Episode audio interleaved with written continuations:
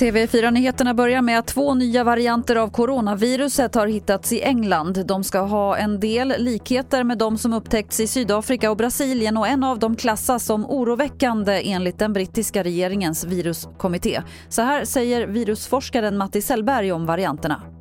Vi vet ju att de stora flertalen av vaccinen hanterar de här mutationerna ganska bra. Så att jag tycker inte vi ska vara oroade. Men det är ju det här att man, det, det vikt, visar hur viktigt det är att man har övervakning på vad det är för varianter som dyker upp. Man testar hur fungerar våra antikroppar mot de här varianterna. Därför att det här är ju tyvärr inte sista varianter som dyker upp. Riksorganisationen för kvinno och tjejjourer, Roks stämmer Sverige för brott mot Europakonventionen. De skriver på DN Debatt att myndigheter och domstolar i Sverige har för hög tolerans för mäns våld mot kvinnor och de vill med sin stämningsansökan sätta press på regeringen. Och till sist kan vi berätta att klädbranschen har det fortsatt tufft med sjunkande försäljning både i butik och på nätet. Det visar siffror från Svensk Handel.